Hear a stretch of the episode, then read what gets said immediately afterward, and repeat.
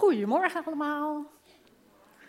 Nou, voor de derde keer op rij, ook namens mij, de beste wensen. En uh, fijn om jullie te zien in het nieuwe jaar. Mooi dat jullie uh, met ons de aftrap doen, ook voor de nieuwe serie. En uh, ik weet niet hoe het met jullie zit. Hebben jullie goede voornemens gehad? Of hebben jullie goede voornemens? Of ben je er helemaal niet van? Sommige mensen hebben er echt zo'n hekel aan. Hè? Oh, moet je wel allemaal goede voornemens bedenken? Nou, ik ben er een beetje van. Ik heb eigenlijk ieder jaar dat ik een woord pak van oké, daar ga ik me een klein beetje op richten. Nou, vorig jaar was het uh, het woordje uh, schuldgevoel.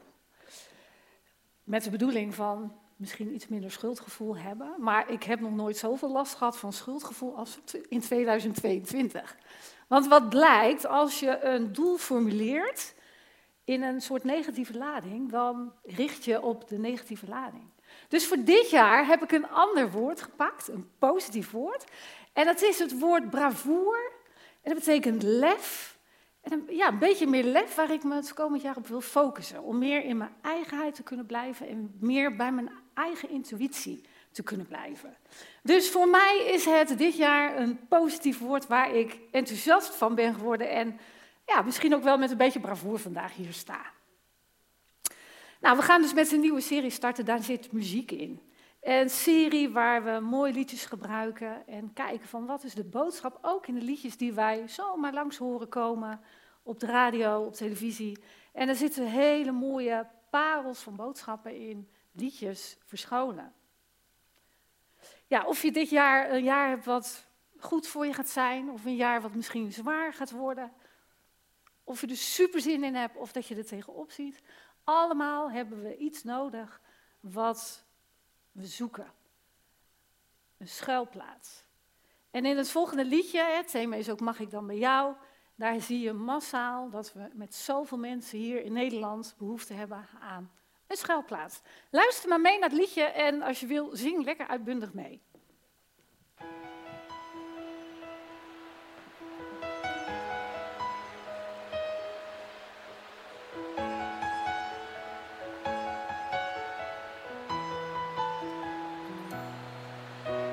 Als de oorlog komt en als ik dan moet schuilen, mag ik dan bij jou? Als er een clubje komt waar ik niet bij wil horen, mag ik dan bij jou? Als er een regel komt waar ik niet aan voldoen kan, mag ik dan bij jou? En als ik iets moet zijn wat ik nooit geweest ben, mag ik dan bij jou? Mag ik dan bij jou schuilen als het nergens anders kan? En als ik moet huilen, droog jij mijn tranen dan. Want als ik bij jou mag, mag jij altijd bij mij.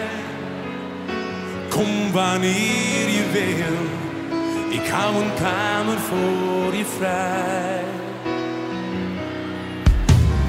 Als het onweer komt en als ik dan bang ben, zing! Als de avond valt en het is mij te donker, mag ik dan bij jou? Als de lente komt en als ik dan verliefd ben, mag ik dan bij jou? Als de liefde komt en ik weet het zeker, mag ik dan bij jou? Mag ik dan bij je schuilen? Als het nergens anders kan als ik moet huilen, droog jij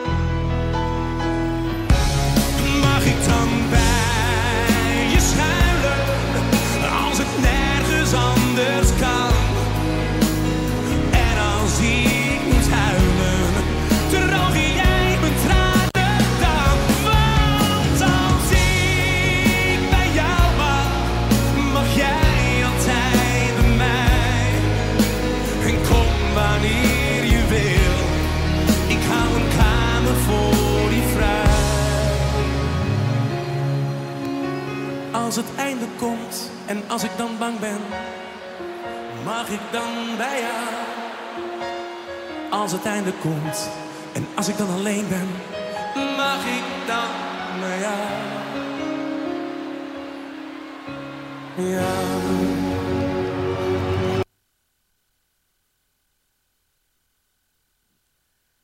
Ja, mag ik dan bij jou het thema wat we vandaag gaan behandelen?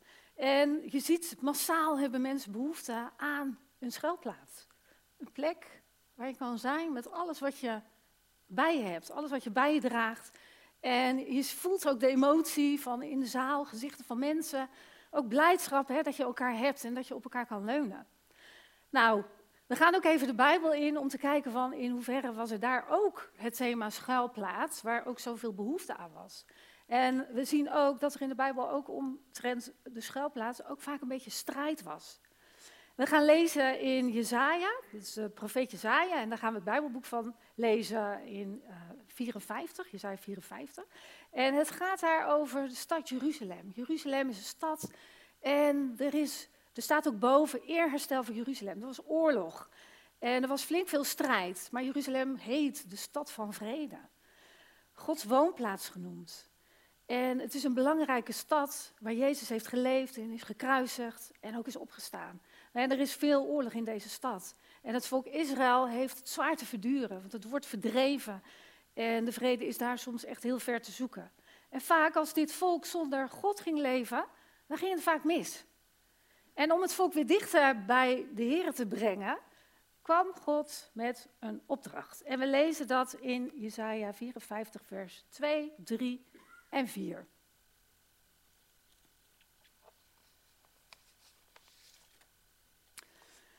Vergroot de plaats voor je tent. Span het tentdoek wijder uit zonder enige terughoudendheid. Verleng de touwen, zet de tent binnen vast. Naar alle kanten zul je uitbreiden. Je nageslacht zal de vreemde volken verdrijven en de verlaten steden bewonen, bevolken. Wees niet bang, je zult niet worden beschaamd. Wees niet bedrukt, je zult niet worden vernederd. Je zult de schande van je jeugd vergeten. Nou, als ik uh, zo aan een tent denk en ik lees even zo heel oppervlakkig dit stukje, dan word ik ook een beetje blij. Dan denk ik aan mijn zomervakantie en dan zie, zie ik onszelf op een veel te kleine tentplek staan met drie tenten. Uh, een hele kleine plek bleef er nog over om onze stoeltjes en ons tafeltje neer te zetten, want er waren overal scheerlijnen en, en tentharingen. En zo bleef er niet heel veel over. Dus ik had er wel voor getekend als ik de plaats voor mijn tent had kunnen vergroten.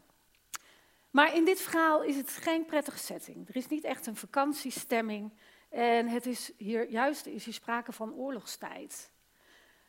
We lezen dat er geroofd wordt, onderdrukt wordt, mensen worden uitgemoord, mensen, eh, er wordt geplunderd, uh, steden worden verwoest, huizen worden verwoest, plekken waar mensen ja, zo, zich zo thuis zouden kunnen voelen, eh, worden geplunderd. En het is gewoon geen fijne plek om te zijn. Mensen gaan op de vlucht. Veel verdriet, angst en veel gemissen. Een oorlog kent ook vaak alleen maar verliezers. En er ligt een sombere toekomst in het verschiet als er niks gebeurt. En dan komt God met een opdracht. En we kijken vandaag naar drie dingen specifiek. In vers 2 staat: vergroot de plaats voor je tent. Span het tentdoek wijder uit, zonder enige terughoudendheid. Verleng de touwen en zet de tent binnen vast. Nou, ik vind dit best wel onlogisch. Ik vind het een hele grote opdracht. Zeker als je weet van het is gewoon oorlogstijd. En om in de oorlogstijd stevig te blijven staan en je juist nog groter te maken, lijkt mij gewoon niet heel handig. Mij lijkt het handiger dat je je een beetje kleiner maakt. Dat je niet zoveel opvalt voor de vijand, dat je niet te pakken bent. Dat ze niet over je heen lopen, dat je geen schietschijf wordt. Mij lijkt het handiger dat je kleiner wordt. Als wij op de camping storm hebben en we zitten in onze tent, dan doen we vaak wat doeken weghalen. Hè? Dan, dan verkorten we de, de, de touwen en dan zetten we de tent binnen iets dichterbij. Want hoe breder oppervlak je pakt, hoe meer wind er onder de hè, de doeken kan komen, waardoor je tent lucht in vlucht. Dus het is veel logischer om te zeggen van, maak je gebied maar een beetje kleiner. En dim maar een beetje in. Maar in de tijd van de Bijbel was het zo dat hè, mensen leefden daar vooral in tenten. En als er dan gezinsuitbreiding was, dan maakten ze de oppervlakte groter. Dan, maakten ze de, dan hingen ze er extra doeken op. Ook in compartimenten. Echt super mooi om te zien. De touwen maakten ze langer en ze zetten de tent binnen veel verder in de grond. En het was een goed teken. Het was iets moois, want gezinsuitbreiding was ook vergroting van het volk, vergroting van het goede en een teken van vruchtbaarheid. Maar goed, dat was in een andere context. Dit gaat over oorlog. En dan staat er dus ook nog bij, zonder terughoudendheid. Er staat niet van, uh, doe maar subtiel of voorzichtig je vergroten. Nee, zonder terughoudendheid. Nou, dat vind ik best wel een beetje overdreven. En ja, dat is eigenlijk gewoon super royaal. Zonder terughoudendheid, kom maar op. Nou, daar moet je wel uh, een beetje lef voor hebben en een beetje bravoer om je zo groot te kunnen maken. Ik zou mijn tent al lang hebben opgedoekt. Het tweede wat we zien is, naar alle kanten zul je uitbreiden. Je nageslacht zal de vreemde volken verdrijven en de verlaten steden bevolken. Ja, niet veilig. Totaal niet veilig. Het is sowieso al wat om te zeggen van nou, maak de tent van je plek groter. En dan komt er een tweede opdracht bij en breidt uit naar alle kanten. Soms sta, ik weet niet of jullie wel eens kamperen of heb je een mooi plekje gevonden, sta je misschien aan het water of uh, sta je misschien met je rug naar een mooi weiland of waar je achter je niemand hebt, prachtig. Maar hier staat gewoon echt ook breid naar alle kanten uit.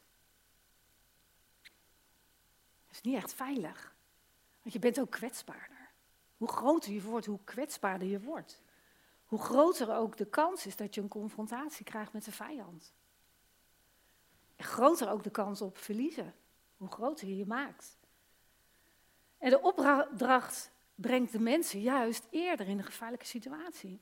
En dan het tweede deel staat dat ze nog ook zich bezig moeten houden met het, met het nageslacht. Nou, ik heb bij EHBO altijd geleerd van, weet je, zorg eerst voor jezelf. En uh, breng jezelf in veiligheid, dat is nummer één. En de rest, dat komt later wel. Dus mensen werden ook opgeroepen van, en denk ook eh, aan je nageslacht. En nageslacht, dat kan je heel breed zien. Alle mensen die nog gaan komen. Dus ik kan ze niet helemaal met elkaar ja, combineren, zeg maar. En als je in een overlevingsmodus zit, ja, dan ga je niet denken aan, ik moet zorgen dat mijn kleinkinderen en mijn achterkleinkinderen ook veilig zijn. Maar het lijkt er wel op dat er iets is met vreemde volken.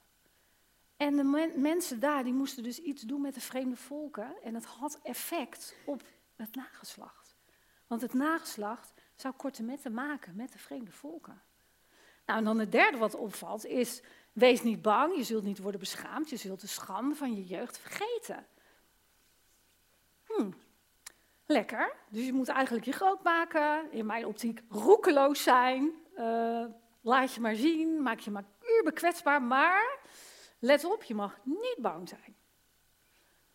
Die vind ik best wel spannend. Is oorlog. En als je ja, in oorlogsgebied zit, of je hebt bedreiging om je heen, ja, dan is onze eerste reactie vaak wel een automatische, dat je bang wordt. Die is niet echt heel makkelijk uit te zetten. En de schande van je jeugd dan.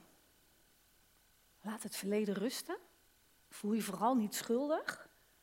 Zit niet meer in over trauma's, andere ellende die je misschien zelf hebt veroorzaakt, na slechte keuzes. Vergeven en vergeten, dat roepen wij wel eens. En we zeggen ook vaak van, ik kan het je wel vergeven, maar vergeten doe ik het niet. En dan staat hier, vergeet de schande van je jeugd. Ik vind het wel makkelijk, een beetje kort door de bocht. Want hoe kun je nou niet bang zijn als je wordt bedreigd? Er is juist paniek in de tent. Maar ik zie wel een verschil met, met dit punt en de twee vorige. Want dit punt gaat over iets anders dan de vorige twee. Bij de vorige twee gaat het eigenlijk om praktisch doen. Je tent vergroten, Je touwen langer maken, je tentpinnen ver weg, sterk, stevig in de grond zetten. Je uitbreiden naar alle kanten. Dat gaat om doen. En dit punt gaat om gevoel. Angst. Je binnenkant, je gevoel. Het gaat niet meer over doen. Wat laat je zien, maar wat voel je? Gevoelsniveau. En als je in gevaar bent, dan kun je niet echt zeggen tegen jezelf heel acuut van, eh, je mag niet bang zijn. Want dat is een automatische reactie van je lichaam dat reageert op dreiging in je omgeving. Lijkt mij moeilijk uit te schakelen.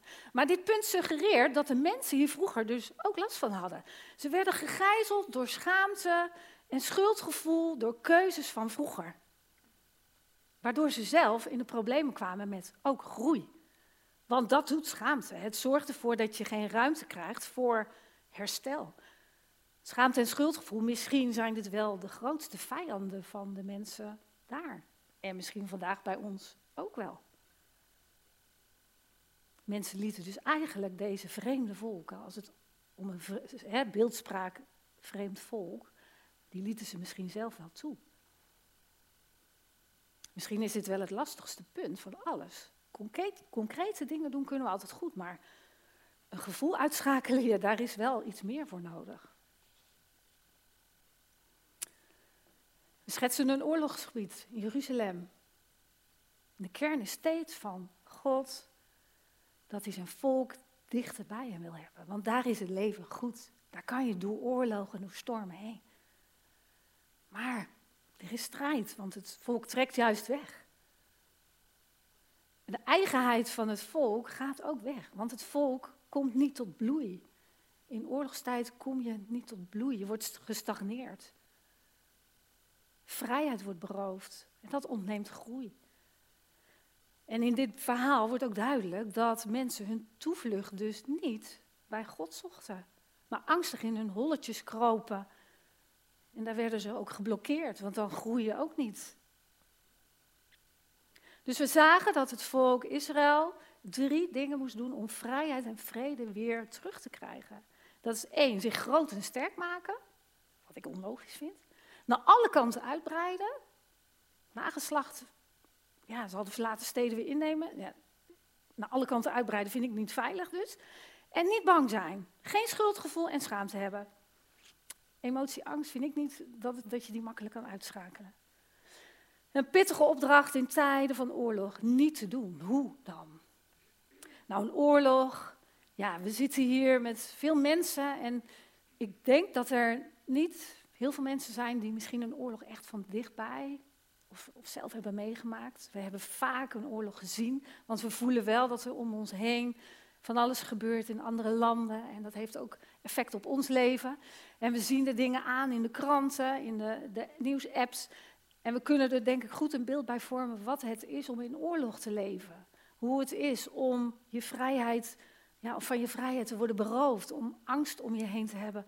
Misschien van kun je wel overleven. En in ons persoonlijk leven kunnen we ook te maken hebben met oorlogen. Als beeldspraak. De oorlogen, je kan door heftige periodes heen gaan. Grote onrust ervaren in je hoofd of strijd in je leven. Je leven kan ook worden belemmerd en tegengewerkt. Een oorlog die zich binnen in jou kan afspelen. En we lezen dan over de vreemde volken in dit verhaal. Maar de vreemde volken in jou en mijn leven, die zijn er misschien ook wel.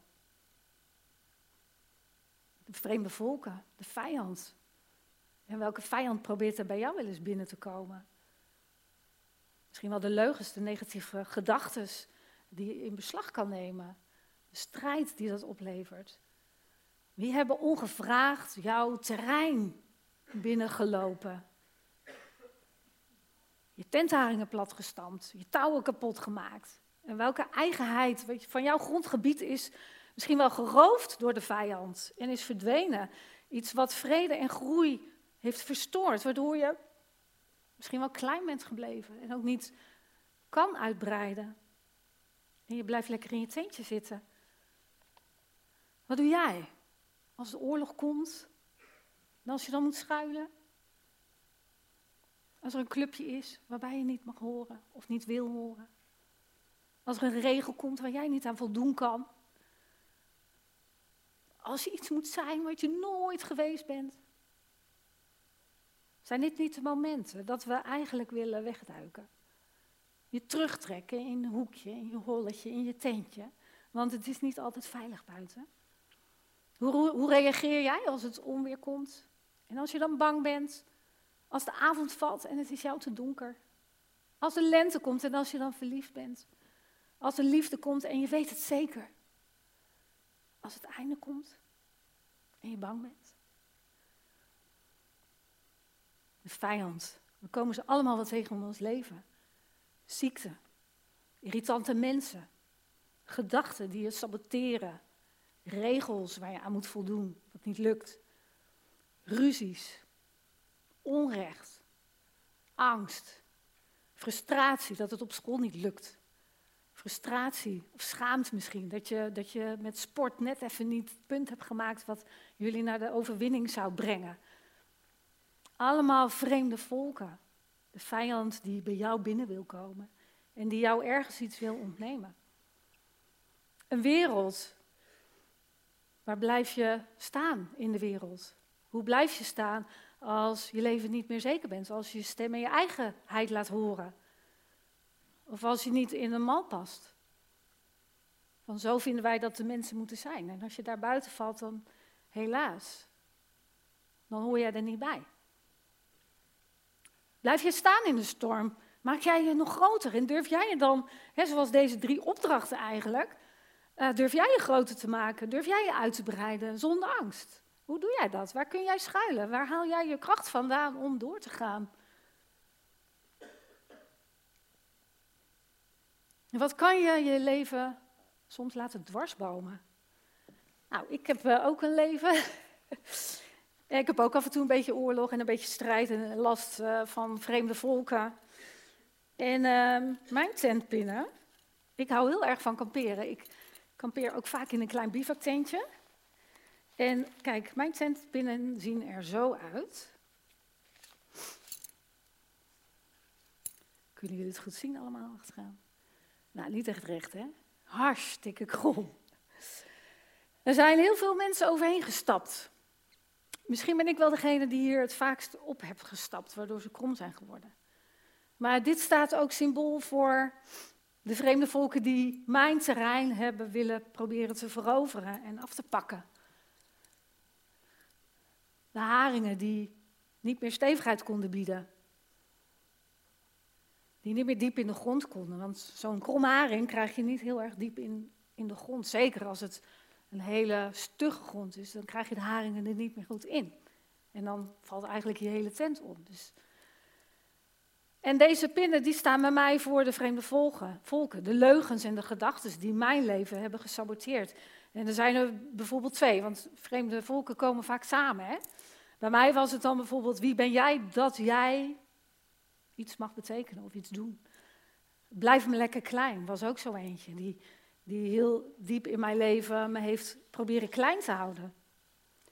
En het moment dat ik mijn tentpinnen verder heb kunnen wegzetten, ook al waren ze krom, was een paar jaar geleden in Brazilië.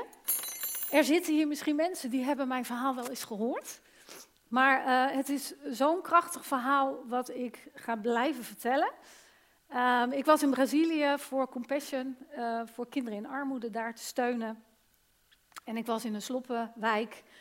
En ik kwam op bezoek bij Marciana, een vrouw in, nou ja, misschien nog wel iets minder dan een tent. Ik kon het eigenlijk niks noemen waar ze in woonde. Ze zat in een rolstoel. En ik kwam daar in leugen 1, komt meteen in mijn hoofd. Van wie ben jij dat jij hier bent, wie ben jij dat je hier iets toe te voegen hebt. Nou, ik zat daar en ik kreeg het gevoel van, ik wil wel iets betekenen. Dus de eigenheid ging zich opdringen. En dat gevoel, als je dat voelt, neem dat gevoel serieus. Want dat is vaak de waarheid. En het gevoel zei mij van, je moet Marciana een knuffel geven. Nou, tien stemmen die zeiden, wie ben jij dat jij haar een knuffel moet geven? Doe eens even normaal. En hou je maar lekker klein. Dus leugen 2 kwam ook op dat moment weer keihard van alle kanten in mijn hoofd en in mijn lijf. Waardoor ik stagneerde en eigenlijk wel in mijn tentje wilde blijven zitten, in mijn holletje van doe maar niks. Het is veel veiliger als je niks doet. Maar waar de waarheid altijd spreekt, waar God altijd iets in jou aanzet, gaat dat vaak overwinnen. De waarheid trekt aan het langste eind. En ik heb gevraagd aan de tolk, mag ik Marciana een knuffel geven? De taal van de liefde is universeel. Ja, dat mag.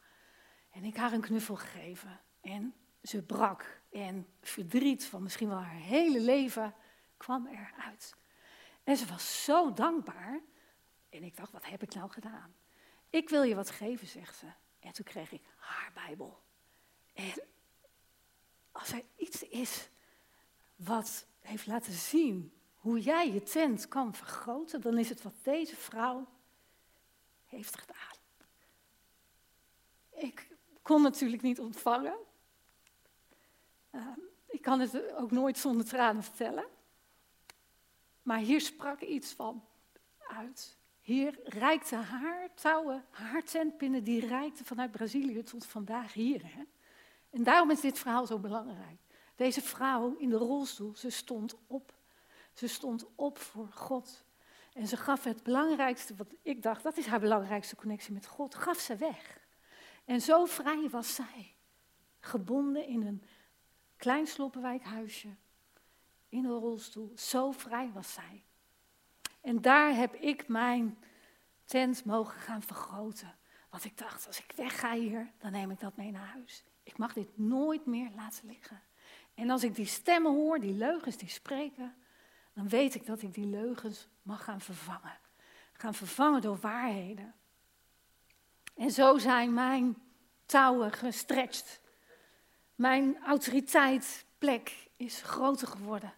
Mijn vrijheid is toegenomen en mijn zegen, want als je die ruimte mag pakken, dan word je gezegend en die zegen die breng ik weer over bij jullie. En dat is het verspreiden van het goede. De waarheid mag groter worden. En misschien herken je dit soort verhalen, de gedachten die je leven willen tackelen en willen saboteren. En ze komen iedere keer weer terug. En misschien zijn het bij jou ook vreemde volken over grenzen gegaan, die zoveel moois van jou hebben geroofd, die zoveel eigenheid hebben vertrapt en geschonden. En je wil ze terugpakken, maar het lukt niet. Misschien heb je last van perfectie of controle of onzekerheid. En je wordt er iedere keer weer door in je rolletje teruggeduwd. En de realiteit is dat je niet vrij bent. En je denkt ook, ja, die schuilplaats, die is ver te zoeken. Want als ik bij iemand aanklop, is die niet thuis. Of heeft die geen tijd. Of zegt die, kom later wel terug. Of je hebt bij iemand aangeklopt en je vroeg, mag ik dan bij jou? En diegene die, die had geen ja, respect voor jou. Of die lachte je uit. Of die gaf allemaal tips van, je moet dit of dat of dat. En de mag ik dan bij jou zin kreeg een bittere bijsmaak. Als het erop aankomt, houdt er helemaal niemand een kamer voor jou vrij. Misschien moet je wel tot die bittere conclusie komen. Bestaat er wel een schuilplaats waar je alles kan vinden wat je nodig hebt? Ja, die schuilplaats is er. Die schuilplaats is er. Er is iemand die echt voor jou klaar staat. Als we het hier op aarde allemaal niet meer kunnen vinden, dan kan je naar boven.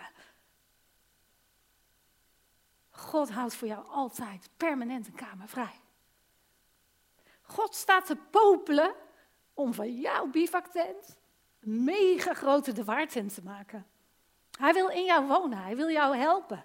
Hij doet ook door mensen heen. Die schuilplaats die kun je ook vinden in mensen heen. Als je soms moeilijk God kan zien in je leven, je wil het zo graag, waar is die dan? Soms zit hij ook in mensen. Ook in deze plek. Ik hoop dat deze plek, de Stadskerk 040, ook een schuilplaats voor jou mag zijn. En in het Bijbelverhaal lezen we later verderop dat de Heer de bevrijder is. Dat hij ook het volk Israël heeft bevrijd en de stad Jeruzalem in eerherstel weer heeft teruggebracht. En zo geldt dat ook vandaag voor jou. De Heer wil ook jouw bevrijder zijn van alles waar je aan vastzit. Alles wat jou belemmert en je groei stagneert. Laat je maar lekker uit je tentje lokken, zoals ik toen in Brazilië. Laat het maar even knagen en ga ervoor. Je mag er ook op vertrouwen dat God jou verder helpt. Hij vult je met zekerheid, met autoriteit en met kracht om te blijven staan in alle stormen en alle oorlogen die zo binnen kunnen woeden, die zo ongevraagd je pad opkomen. En als je de waarheid in jou vergroot en uitbreidt naar alle kanten, dan zal de goedheid ook vergroten. Daar kan zelfs je gezin, je familie, je omgeving op teren. En dat is ook de zegen die naar het hele nageslacht zal doorwerken. Als jij vandaag ervoor kan kiezen om God je leven te laten bepalen. Zodat de leugens weggaan en de waarheid groter wordt. Dan zal je vrucht dragen. En dat is niet omdat je iets moet of dat je per se iets moet doen. Maar omdat je mag zijn wie je bent. Je bent niet wat je doet, maar wie je bent. En God heeft jou en mij gemaakt met een unieke bedoeling. En die mag tot uitdrukking komen in dit leven. En daar mogen we in zoeken. En daar mogen we in kijken van nou, hoe groot mag de tent nou weer worden. En daar mag je iedere dag een nieuw begin in maken. En je hoeft niet eens aan God te vragen, mag ik dan bij jou? Want hij is er gewoon. Tof hè? Doordat Jezus aan het kruis stierf, heeft hij gezegd, ik maak ruimte voor jou. Ik maak een plaats voor jou. Ik offer mijn plaats op en die geef ik aan jou. Dus als je met God gaat en je gelooft dat Hij ook al jouw moeite en pijn wil overnemen van jou, alles wat er in het verleden jou achtervolgt en wat je vandaag nog belemmert, dat wil Hij zomaar van je overnemen. Met Hem kan jij die plaats vergroten. Met Hem kan jij je uitbreiden en een leven in vrijheid leven en de zegen doorgeven. Hij wil je helpen om een nieuw begin te maken, om je land weer op te bouwen en om weer herstel te geven daar waar het zo verdoord en kapot gegaan is.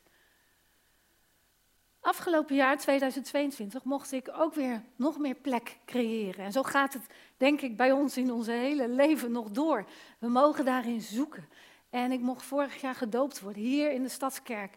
En op dat moment heb ik ook weer gezegd, een stap gezet in, in, in het groter maken van Gods autoriteit in mij. Niet mijzelf groter maken, maar God groter maken in mij. En daardoor mocht ik mijn tentplek weer uitbreiden, mijn scheerlijnen verlengen en mijn tentpinnen weer steviger in de grond zetten. En het heeft zoveel ruimte gegeven. God groter in mij en de leugens kleiner. Wat is dat een verademing en een verrijking in mijn leven? Geestelijke ruimte ontvangen als God een plaats krijgt in jou. Meer vertrouwen, meer vreugde. Als je God grond geeft in je leven, zal de duisternis het gaan begeven. En zo is God. Hij wil jouw tent ook echt groter maken. Een plek van leven en bloei en vrede. En zo zien we dat, dat een leven met God verlossing en vrede geeft. En ook in het Bijbelverhaal, het volk was verlost. De stad was verlost. Er kwam eerherstel. De waardigheid kwam terug. En dat is ook, geldt ook voor ons allemaal. Als we ergens beschadigd zijn, God wil je weer op waarde schatten. Want je bent waardevol. Ook al denk je dat het niet zo is, omdat je dingen bent gaan geloven die niet kloppen. Of omdat je waardigheid geroofd is. Of je misschien zelf je waardigheid hebt laten roven door te geloven in die leugens. Er is eerstel, ook voor jou. Waarin mag jij dit nieuwe jaar een nieuwe plek, of een mooie tentplek vergroten? Waar mag jij in je lijnen stretchen en je haringen stevig neerzetten. Zonder terughoudendheid. En als dat lastig vindt, mag je gaan bidden. Je mag altijd in gebed gaan, want God staat altijd open voor jou. En als je dat moeilijk vindt, dan zijn er ook mensen, ook hier in de Stadskerk, die voor je willen bidden. We hebben straks ook een gebedsteam wat aan de zijkant straks gaat staan. Daar mag je altijd bij. Om te bidden of om te praten of om gewoon even te delen wat, wat er in je leeft. En je bent hier vandaag niet voor niets. Je bent hier vandaag met een reden. Een reden omdat je iets zoekt. Iets wil proeven van wat we hier uitdragen. Je wil hier iets ervaren van Gods liefde. En ook in dit nieuwe jaar mag je Hem zoeken en binnenlaten in jouw tent. Het is een uitnodiging voor jou. Ook al ben je niet van de goede voornemens, misschien mag dit er misschien één zijn. Dat je Hem zoekt en toelaat. Zet je tentrit maar een beetje open. En laat Hem je leven verlichten. Als het oorlog is en het onweert. En het donker is in 2023. Je mag altijd bij Hem schuilen. Hij staat al klaar. Hij zal je beschermen. Hij zal je nooit afwijzen. Je mag altijd bij Hem. Mag Hij ook bij jou? Laten we luisteren naar een lied als slot en de uitnodiging die in dat lied is dat God een rol in jouw leven wil spelen. Hij wil jouw schuilplaats zijn en hij zal als een beschermingsmuur om jou heen zijn. Ik wens je veel vrede en vrijheid toe voor 2023. Amen.